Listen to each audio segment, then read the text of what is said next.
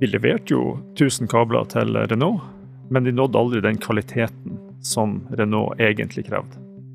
Her var det en kunde som ikke var fornøyd, og, og ting var ikke på stell.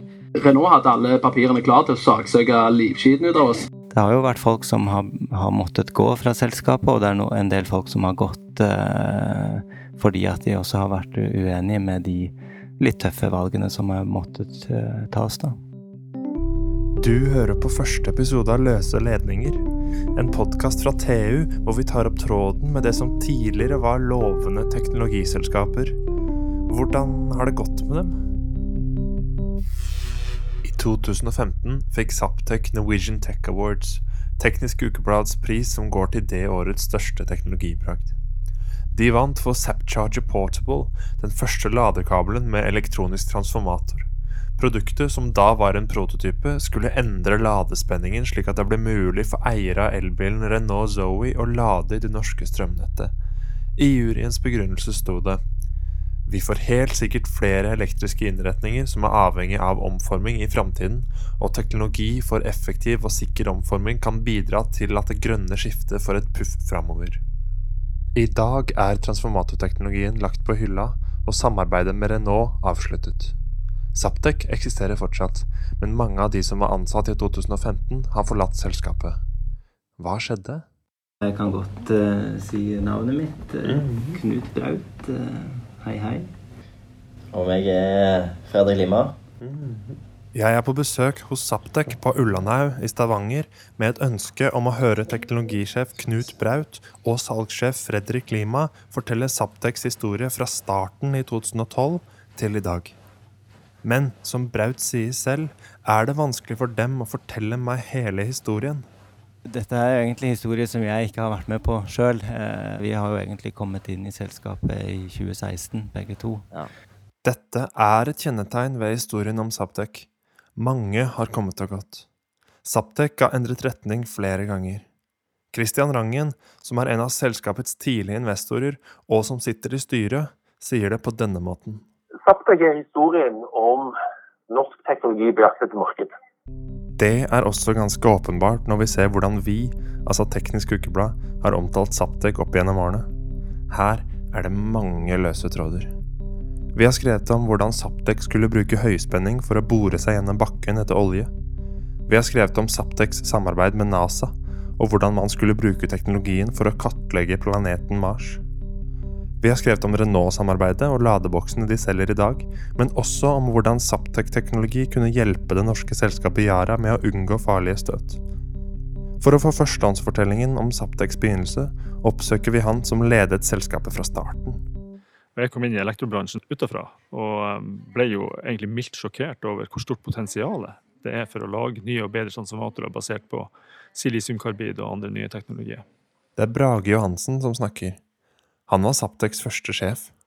Gründerne Øyvind Wetteland og Kjetil Nesje fikk med seg Johansen for å lage en bedre, mindre og sikrere transformator. Når vi skulle finne vårt første forretningsområde, så var kreativiteten kjempestor. Transformatoren vår var jo en komponent som vi kunne bruke i veldig mange industrier. Eh, den var eh, veldig mye mindre og mer effektiv og sikrere enn de transformatorene som vi konkurrerte med. Og vi brainstorma jo veldig fort 30 forskjellige forretningsområder. Ett område pekte seg ut. Elbillading. Mange norske Tesla-eiere sleit med treg hjemlading. Ved hjelp av Saptex skilletrafo skulle man få fart på sakene. Vi laga en 11 kW skilletrafo som var eh, en femtedel i størrelse av konkurrentene sine. Den kunne du ha hjemme, den kunne du faktisk montere på veggen. Og vi hadde faktisk på den tida 200 Tesla-eiere på interesselisten vår når vi da allerede etter et halvt års utvikling laga denne prototypen. Så gjorde vi jo en tabbe. Johansen mener Saptek aldri burde begynt å utvikle Tesla-laderen.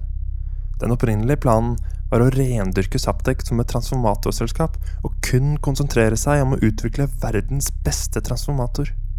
Så kunne andre putte transformatoren inn i sine produkter. Denne planen gikk i vasken allerede med Tesla-laderen i 2013. Det gjorde at selskapet mistet noe av fokuset, ifølge Johansen. Men på den annen side gjorde arbeidet med Tesla-laderen at flere aktører fikk øynene opp for Saptek. Vi inviterte Saptek ned og, og, kom i dialog og, spurte om, om, om en ikke skulle, skulle, utvikle en elbillader som kunne lade alle elbiler istedenfor et nisjeprodukt som, som, de hadde tatt fram. Det er forretningsutvikler Trond Torbjørnsen i Lyse som snakker. Lyse jobbet med et nytt smarthuskonsept kalt Smartly. Du har kanskje hørt om dette prosjektet. Det var det Lyse skulle tape mange hundre millioner kroner på de kommende årene. Uansett, Lyse ville ha Saptek til å lage elbilladere for Smartly-prosjektet. Uh, og Det syns jo Saptek var, var, en god idé. Dette var starten på det prosjektet som holder Saptek levende i dag. Vi kommer tilbake til det litt seinere. Det var ikke bare Norge som nå hadde oppdaget Saptek. Vi var veldig gode til å profilere oss, eh, og Renault oppdaga oss. Og det var jo, eh, kan du si Jeg vil ikke si tabbe nummer to, for det, det var det er jo helt fantastisk når et stort konsern eh, kommer og sier at de vil ha et produkt. Men de spurte oss jo om selvsagt det vanskeligste produktet som vi kunne se akkurat der og da. Altså en ladekabel som skulle tåle alt, med snø og varme og bli slengt rundt omkring, og som skulle ha en integrert transformator inni seg. Elbilen Renault Zoe kunne bare lade på TN-nett. I det norske lavspenningsnettet er IT-nett mest utbredt. IT-nett og TN-nett har blant annet ulik spenning. Renault ville ha Zaptec til å lage en ladekabel med en integrert skilletrafo som omgjør spenningen, slik at Zoe kunne lades i norske hjem. Under Renault-prosessen og forhandlinga der, så satt vi på et internmøte i Zaptec og så sa jeg dette produktet skal vi aldri lage. Og så var det som på en film. Eh, vi kryssklipper fort framover og plutselig sitter og signerer kontrakt med Renault. Og eh, det er jo fordi at vi håper å tjene veldig mye penger på det, men det var som sagt det vanskeligste vi kunne gjøre akkurat da. Lydklippet du skal få høre nå, er fra et foredrag på festivalen Change by Design, arrangert av Halogen i 2017. Her snakker Jonas Helmikstøl, tidligere produksjonssjef i Saptek, om starten på Renault-prosjektet. De kom til oss ca. i april eh, 2014. Vi hadde den Vi Vi bare sånn Ja, ja, det tar, det tar et halvt år. Uh, for vi, vi torde jo ikke si uh, det vi egentlig tenkte. Så vi fikk opp en prototype. Vi, vi, lanserte den på julebordet sammen med våre kjære. og da var liksom Ja, nå er vi, nå er vi der. På nyåret kunne man lese om bragden i Teknisk Ukeblad. Lille Saptek hadde løst giganten Renaults store ladeproblem. TUs ekspertpanel var imponert, og Saptek fikk Norwegian Tech Awards for 2015 på en konferanse i Oslo Kongressenter. Under tildelingen uttalte Brage Johansen at det var flere store selskaper som hadde kontaktet dem etter at de ble nominert. Han lurte på hva som skulle skje nå som de hadde vunnet prisen. For utenforstående så Saptek nå ut som et selskap i sin glansperiode, med revolusjonerende teknologi og en internasjonal storkunde. Men hjemme i Stavanger hadde selskapet flere problemer ideen med å ha en skilletrafo først, eh, med integrert som en lade, ladekabel, eh, høres på en måte forlokkende og enkelt ut, men alle de sikkerhetsmekanismene på, på inntak og utgangen og integrasjonen med ladekontrollere osv. Eh, blei ganske komplekst, og når dette igjen skulle overføre opp mot 16 ampere enfase, så ble det et kjøleproblem, og så ble det en, en mekanisk, eh, elektromekanisk oppgave som, som eh, balla noe på seg. Underveis ønsket Renault endringer på laderen, og Saptek sleit med å bli produksjonsklar, forteller Brage Johansen. Så Renault-prosjektet var jo ikke da lenger bare teknologiutvikling, men det var jo også produktutvikling. Og det er noe annet. Når spesifikasjonen også endra seg eh, ganske mye, så tok dette lengre og lengre tid. Saptek hadde ikke avtalt klare rammer eller spesifikasjoner for det endelige produktet. De måtte dekke den ekstra utviklingstida selv, forteller Jonas Helmikstøl i sitt foredrag. Vi hadde jo ikke satt en sånn OK, produktet skal, skal, koste dette, og vi skal selge det for dette. Så det ble jo bare en ekstra kostnad, og vi, vi var jo fullstendig avhengig av Renault vi, for, for, å holde oss i gang. Så vi måtte bare OK, ja, ja, ja, selvfølgelig. Og tre måneder ekstra utvikling, ingen problem. Eh, og, og, så fant vi ut at nei, det går jo ikke an å sertifisere dette produktet. Det fant vi jo selvfølgelig ut når vi var ferdige med prototype nummer to. Så da måtte vi redesigne hele produktet. Det var en fase der vi hadde to utviklere igjen. For det, det ble jo eh, armer og bein, og det var så mye smerte at det, det var liksom OK, kommer vi til å klare dette? Eller, eh, for det var veldig mange som egentlig hadde bare lyst til å gi opp, og det var mange som gitt opp. Renault-laderen ble over ett år forsinka. I uh, mai-juni 2016 så starta vi produksjon. Det var òg et, et, produkt som uh, egentlig ikke var moden nok til å, å, sendes ut. Uh, det var sikkert nok, og det var det som gjaldt da. Så vi måtte bare pushe det ut. Vi fikk vite Jeg hadde bokstavelig talt, følte jeg hadde kreft i magen. For det var litt sånn OK, nå vi kjører på. Eh, og, og, noen uker etterpå så, så, fant vi ut at det, Renault hadde alle papirene klare til å saksøke livskiten ut av oss. Så det var liksom Samtidig med Renault-problemene jobba selskapet parallelt med flere andre prosjekter. En del av dem gikk ut på å finne alternative bruksområder for transformatoren. Vi så på det å bruke høyspenning til det å lage sjokk og gnist med høyspentutladninger. Med det kan du jo knuse stein, og du kan rense vann.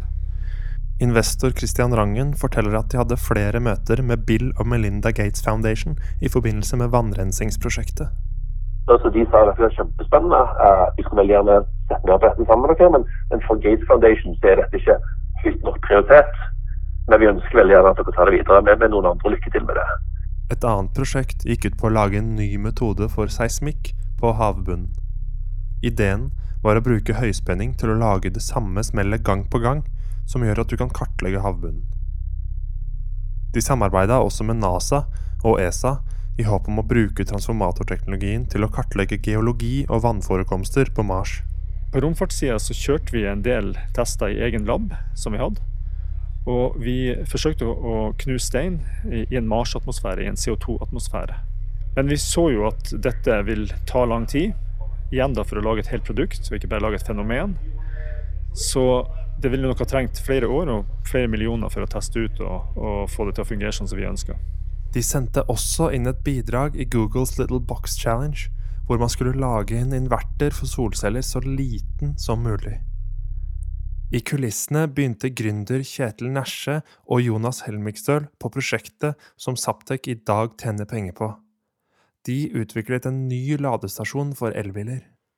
Ved hjelp av smart last- og fasebalansering skulle man lade flere biler på samme kurs som vanligvis ble brukt til én elbil. Utviklingen foregikk i hemmelighet, og prosjektet ble døpt Sneaky Snake. Selskapets originalidé, transformatoren, var ikke del av løsningen.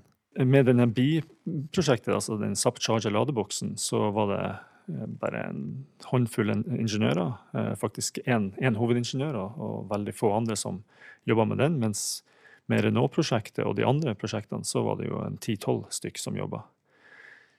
Eh, så dette produktet var jo nesten et sånt mens vi venter på Renault-kabelen-prosjekt. Salgssjef Fredrik Lima sier at samtalene med Renault og Lyse hjalp dem å oppdage potensialet i elbilmarkedet men at Renault-laderen og Sneaky Snake-laderen ikke har så mye til felles.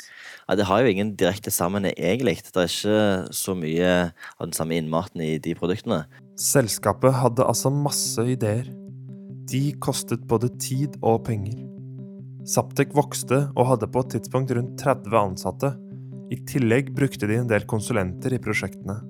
Økonomisjef Knut Østrem opplyser at investorene totalt har spytta inn 140 millioner kroner i selskapet siden starten i 2012.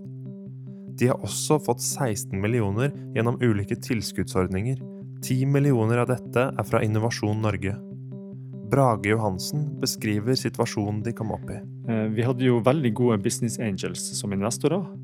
Men eh, det ble en slags kniv på strupen, så vi måtte få inn eh, nye penger. Saptek hadde tapt penger siden starten.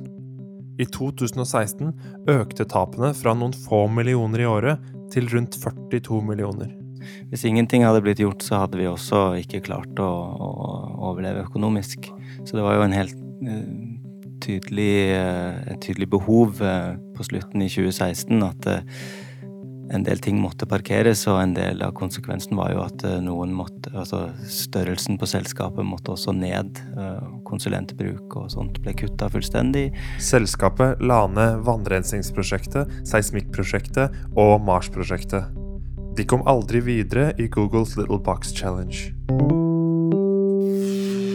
Som nevnt tidligere var transformatoren grunnen til at man opprinnelig starta Saptek.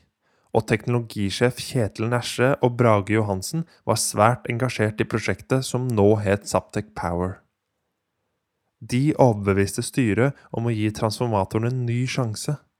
Nesje og Johansen trengte tid og rom for å utvikle transformatorteknologien uten å forstyrre resten av Saptek. Så Derfor så flytta jo jeg og CTO Kjetil Nesje ut av Saptek-lokalene og eh, fortsatt med Saptek Power. Det er jo alltid veldig kjedelig å, å, reise fra en organisasjon man har vært med og bygd opp, og produkter man har skapt. Eh, men eh, på denne måten her så fikk vi i hvert fall skilt de, det veldig kreative utviklingsprosjektet fra det mer markedsorienterte eh, prosjektet. I februar 2017, etter bare seks måneders utvikling, hadde Nesje og Johansen laget en fungerende prototype av transformatoren. De fikk også klare tegn på at markedet var interessert i produktet. Vi fikk pilotkundeavtaler med Yara og Jernbaneverket. Eh, Yara de ønska en eh, lett eh, trafo som de kunne ta med seg rundt omkring på arbeidsplassen sin. Og Jernbaneverket hadde eh, utallige plasser de skulle ha en liten og enkel trafo. Men Johansen trengte penger for å få transformatoren ut på markedet. På slutten så eh, hadde vi en diskusjon med styret hvor jeg ønska at vi skulle ta inn 100 millioner kroner til Saptic Power for å satse skikkelig. Det er jo sånt som skjer i Silicon Valley, men det skjer jo veldig sjeldent i Norge. Og den kan du si, amerikanske satsinga, den tanken der, den eh, fant ikke noe rom hos styret. Jeg syns jo beslutninga var altså På et vis forstår jeg jo den, selvsagt, fra en likviditetssituasjon. Vi, vi måtte spare penger, vi måtte fokusere.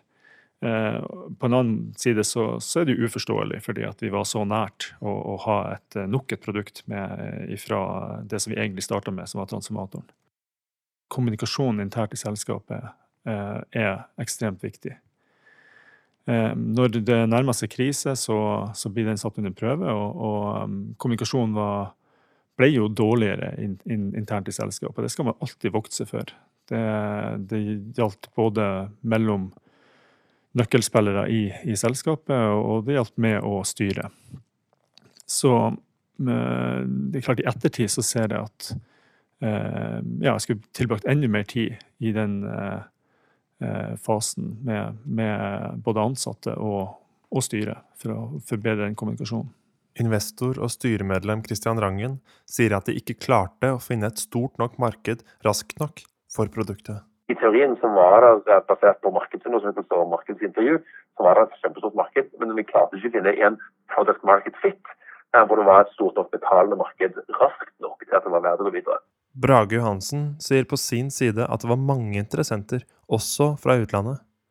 Blant annet var de i møte med amerikanske Department of Energy og Google. Det fikk også svært positive signaler fra Teslas sjef for ladebokser. Vi hadde et møte som vanligvis var, som vanlig var booka inn for en halv time, men varte i to timer. Det, det, var nok et sånt møte hvor, hvor den, si, eh, vårt produkt, da, transformatoren, eh, var hjertelig ønska den dagen vi hadde ferdig. Hva sa de til dere? Nei, de, de, de, sa at dette er en transformator vi trenger. Eh, Tesla Powerwall på den tida der var kun DC-DC og de ønsker å ha en AC-mulighet. Og De trengte en bitte liten transformator, og det var akkurat det vi hadde. Så eh, i det øyeblikk vi kunne eh, levere det, så, så var de sjeleglade. Vi hadde jo også møte med et eh, solselskap som var eh, eid av Carl Page, eh, storebroren til Larry Page. Vi hadde møtt, møtt Carl Page eh, personlig. Og Det var samme historie der. En, en så liten transformator til alle disse solcelleanleggene som han hadde rundt omkring. Det vil være en drømmesituasjon for han. Så det er klart vi var veldig motivert når vi kom tilbake til Norge. Og hva ble det til av disse samtalene? Nei, så eh, Det var jo det at vi måtte jo lage produktet ferdig. De har jo sett nok powerpoint-slides i sitt liv, disse folkene her. Så eh, når vi hadde produktet uh, ferdig, eller i hvert fall prototypen ferdig, så uh, kunne vi gjerne komme og besøke dem igjen. Og det var jo et par av de som var veldig Eh, rett og slett eh, litt sint når, når eh, de fikk beskjed om at Saptek Power var lagt ned. Brage Johansen mistet lederrollen sin da transformatordivisjonen ble lagt ned. Han forlot Saptek. Det å forlate et selskap som man har bygd opp, og, og um, masse gode kollegaer og, og, sånt, og det her skjedde jo veldig fort, som det, og, som det ofte skjer. Og um, man går jo ut av eh, kontorene med, med, ja, med trist til sinns, rett og slett. Så det var jo veldig tungt eh, der og da. Eh, og, og, plutselig så våkna man opp et par dager senere, og mailboksen er ikke full lenger. Veldig pussig følelse. Dermed sto Saptic igjen med Renault-laderne og de smarte elbilladerne uten transformatorteknologi. Investor Christian Rangen peker på de store mulighetene som ligger i elbilmarkedet. Hvis det er ett marked som er kult å, å sitte i i dag, så er det elbilmarkedet. Og Når du ser på enhver vekstrate på det globale markedet for elbiler, og det globale markedet for elbilinfrastruktur, så er det for meg det blir et blå øyne. av. Altså det, det markedet kommer til å være så gigantisk. Østlendingen Simen Teigre ble hentet inn for å få ladekablene på markedet. Han hadde vært med på å starte videokonferanseselskapet Pexip, og hadde rykte på seg for å være effektiv til å rydde opp i selskaper og få dem til å tjene penger. Først ble Teigre sjef for elbilladevirksomheten, men da transformatordelen ble lagt ned og Brage Johansen dro, ble Teigre sjef for hele Saptek da jeg kom inn der og måtte være litt uh, ærlig og rett fram med, med, hva jeg så, for det var oppgaven min Jeg, jeg var henta inn av styret til å, å, ta en ærlig gjennomgang og, og, og, gi dem direkte feedback på hva, hva, jeg så og hva jeg trodde var riktig. Uh, men det er klart det er også litt, uh, litt tøft. Selskapet hadde holdt på en stund, de hadde brukt mye penger. Så motivasjonen for å fokusere og, og ta noen tøffe beslutninger var der. Samtidig så er det klart at denne flotte teknologioptimismen som, som, var i selskapet, gjorde jo også at det satt litt langt inne eh, å innse at noen av initiativene måtte parkeres. Hvordan opplevde du at øh, styret var blitt orientert før du kom inn, kontra da du kom inn og måtte orientere dem selv? Eh, det er vel ikke noe tvil om at, eh, at, eh, det var en del ting jeg fortalte styret som de ikke var klar over. Men det er klart i det tilfellet her så var jo jeg dratt inn i selskapet for, for å nettopp gå dypt og bredt og, og snu hver stein. Og da er det klart at styret fikk en, en, annen innsikt og en annen forståelse for hva som foregikk enn de hadde hatt før. Mm. Teigre måtte ta seg av forholdet til Renault, som nå på alvor var vaklende etter flere forsinkelser og det som til slutt ble et ikke helt optimalt produkt. Eh, da jeg kom inn, så hadde prosjektet pågått en stund. Eh, det var et prosjekt som hadde tatt eh, veldig lang tid. Det hadde vært mye forsinkelser. Mange både teknologiske utfordringer og kommersielle utfordringer. Men samtidig så var det et prosjekt som da jeg kom inn, hadde utsikter til å kunne bli en, en bra greie for, for Saptek. Hovedproblemet var ifølge Teigre at kontrakten mellom Renault og Saptek ikke var tydelig nok. Etter hvert som produktet ble utvikla, og man uh, Saptek på sin side så at her må vi gjøre noen forbedringer som vi ikke først planla, og Renault på sin side så at her uh, kunne vi ønske oss noen andre uh, ting enn det vi først trodde. Um, så, så, ble dette på en måte det, det la, la, seg oppå hverandre, disse endringene, og det kosta mer penger, og det forsinka prosjektet. Og så eh, var det vel i verken eh, god styring på dette fra Renault sin side eller Saptek sin side i forhold til å holde kontroll på disse endringene, og hva det egentlig betydde, og hva det egentlig kosta. Eh, og det førte vel til at det var mye, mye mer smerte og, og utfordringer i prosessen enn det hadde trengt å være. Teigre dro ned til Paris for å prøve å bedre forholdet og reforhandle prisen på laderen med Renault. Det var behov for å, å, på en måte få prata ut litt og få alle fakta på bordet. Og risette forventningene litt. Og så var det veldig viktig for meg å få etablert en tillit uh, mot Renault. Uh, og få åpna en kommunikasjon mot de og mot de rette menneskene, sånn at vi, vi hadde en sjanse til å få til dette her. Det tok jo noen møter før vi fikk ordentlig kontakt. Jeg husker Det første møtet jeg, jeg fikk der, var jo ble et veldig kort møte med eh, en og en halv person, hvor jeg håpa jeg skulle treffe tre personer. Uh, helt på tampen rett før jeg måtte fly hjem igjen. Eh, så det ble et veldig, veldig kort møte. Men, men, det ga meg også veldig verdifull feedback eh, på hvor ting sto, og, og, jeg kunne ta med det i kofferten hjem igjen. At det, her var det en kunde som ikke var fornøyd, og, og ting var ikke på stell. Så, eh, så det ga meg noe å jobbe med i forhold til det, den videre utviklingen, da. Teigre lyktes med å forhandle fram en høyere pris for laderen.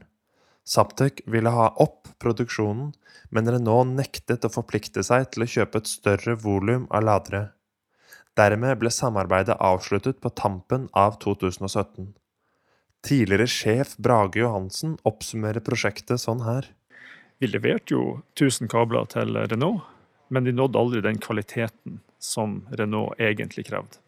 Problemene gjenspeiler seg i en del av tilbakemeldingene fra kundene.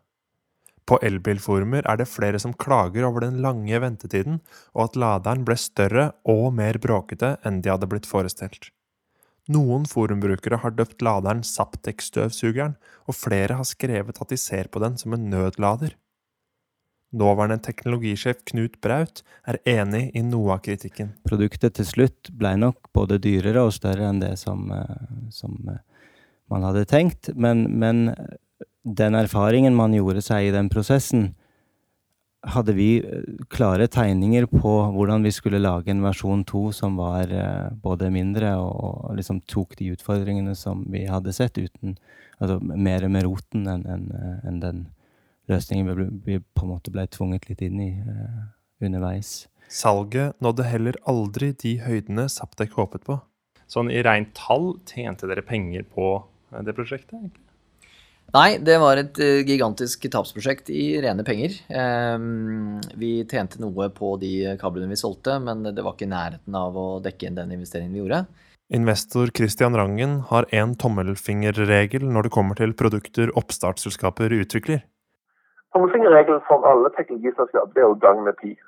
Så hvis, uh, hvis, man gjør et case og sier at dette produktet kommer til å koste 1000, så sier de flott, og så blir det 3000 pluss.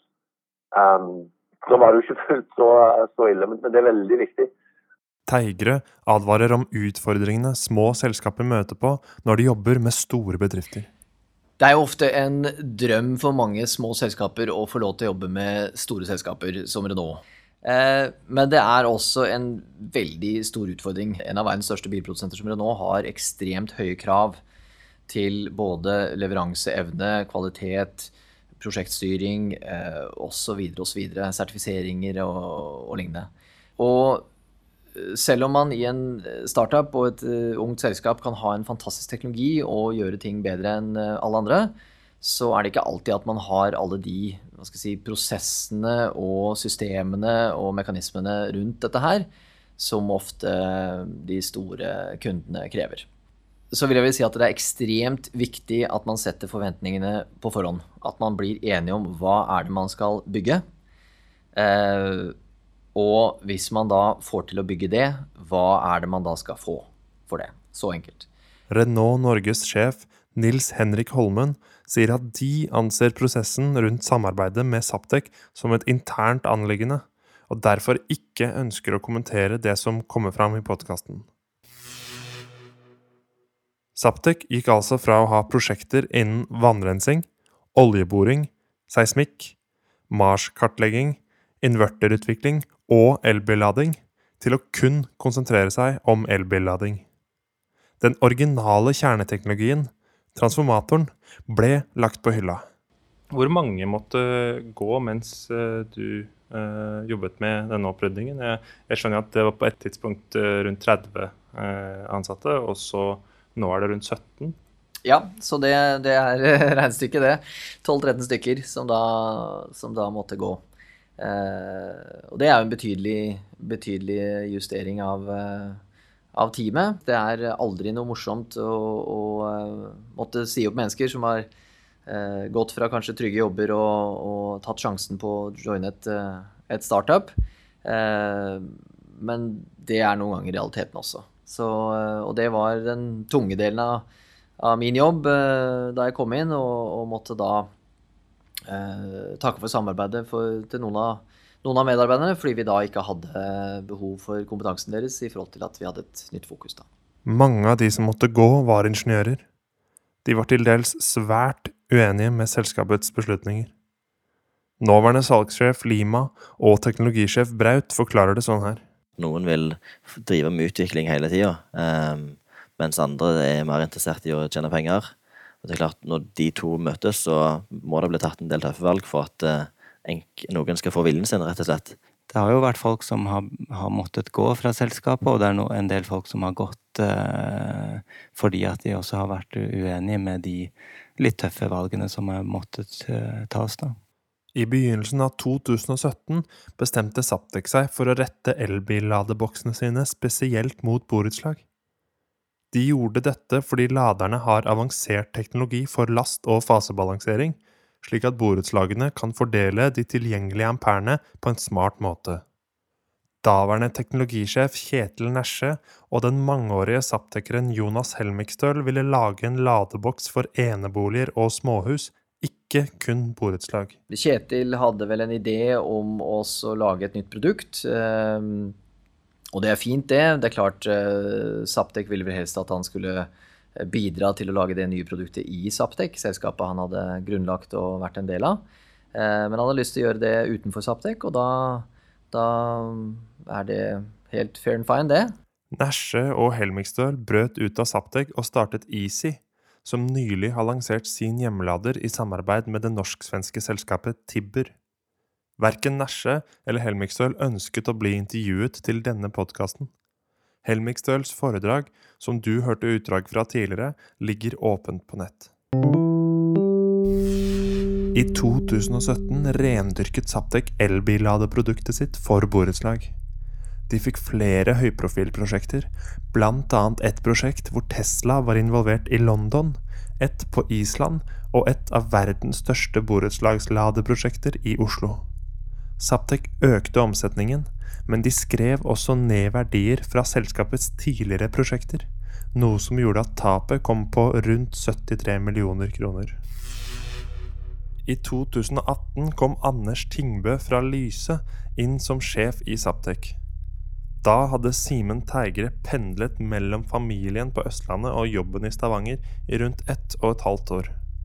Teknologisjef Braut avdramatiserer de mange utskiftingene av sjefer. Når Brage leda dette selskapet, så kom det mange flotte produkter ut av det, faktisk. Eh, eh, men den, eh, det å på en måte få de helt ferdige og ut i markedet, sertifiserte, godkjente og, og salgbare, det krevde såpass mye fokus og kapital at, at noe måtte ofres igjen på en måte av de andre prosjektene. Så jeg tenker vel at, at eh, når Simen kom inn, så, så, ble det satt fokus, og det ble på en måte snudd litt uh, i forhold til uh, alle de andre uh, potensielt kjekke tingene som, som, man holdt på med. Og når Simen hadde fått, fått, satt fokus, og vi var ute i markedet og fikk levert, så, så var det jo også et spørsmål om hvordan skal man drive med videre vekst i dette selskapet. Og da, da valgte jo Simen å, å, trekke seg tilbake, og Anders eh, kommer inn. La oss oppsummere litt. Saptek har blitt et ganske annet selskap enn det som vant Norwegian Tech Award i 2015. Teknologisjefen, som også var én av to gründere, er ute. Administrerende direktør er byttet ut to ganger, og flere sentrale ildsjeler har brutt ut. Teknologien de vant Norwegian Tech Award for, den som skulle dytte den grønne revolusjonen fremover, er lagt på hylla. Samtidig forteller selskapet at salget av laderne går veldig bra. De har solgt over 7500 ladestasjoner så langt, og har stor tro på å gå i pluss økonomisk i år. De har fått verdifull erfaring og kunnskap om lademarkedet, et marked som vokser i takt med elbilsalget.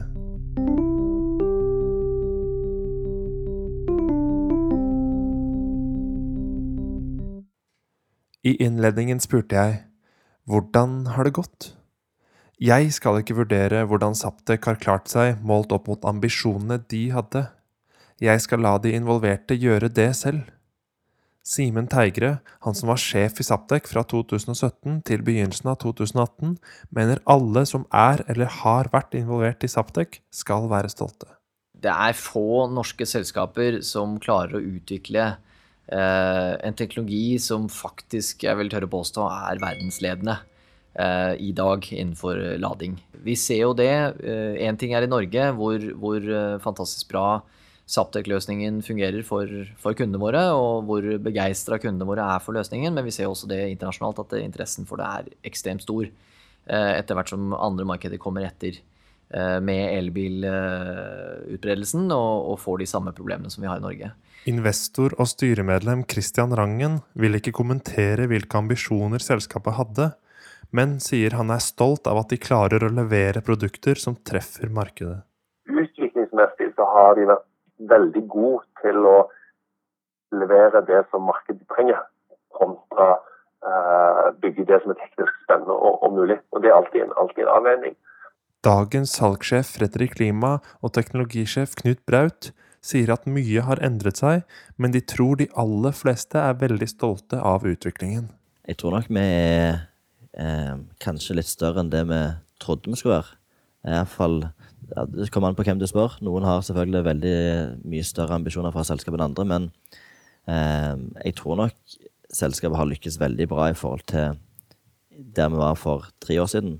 Mm. Eh, hvis alt går etter planen i år, så får vi en, en solid omsetning som som jeg aldri hadde trodd var mulig eh, på så kort tid. Sist, men ikke minst, Brage Johansen, selskapets første og lengstsittende sjef, sier at de hadde enorme ambisjoner pga. potensialet i teknologien. Eh, så hvis du spør om måloppnåelse i forhold til det vi, vi eh, ville, så, så, har vi oppnådd kanskje 7% 7% av det vi, vi egentlig ville i Saptek. Men det produktet går jo veldig bra. Eh, det selges veldig godt nå over hele Nord-Europa og, og, vil bli et, et, godt og langvarig selskap. Det er jeg helt sikker på. Så det er jo litt trist med alt det andre vi ikke fikk til. da. Det er litt komisk å se at vi starter ut med de enorme ambisjonene som vi hadde, med de enorme forretningsmiljøene vi hadde, og så ender vi opp med å levere et biprodukt som vi utvikla på sida. Helt til slutt det er ikke sikkert Saptex transformatorpatenter støver ned for alltid. De kan bli tatt ned fra hylla igjen og bli brukt i fremtidige produkter. Vi vurderer nå å, å ta videre denne skilletrafoen inn i, i type ladeprodukter som, eh, som kan brukes i sammenheng med det produktet vi har i dag. Altså f.eks. en DC-lader vil trenge en skilletrafo av denne, eh, av denne typen. Eh, så vi, vi har, besitter jo en teknologi her som, som, kan ta oss videre inn i framtida. Den, den, veien vi måtte velge å, å videreutvikle produktene våre. Dette var en podkast fra TU laget av Mathias Klingenberg. Takk til alle involverte, og for at du hørte helt hit.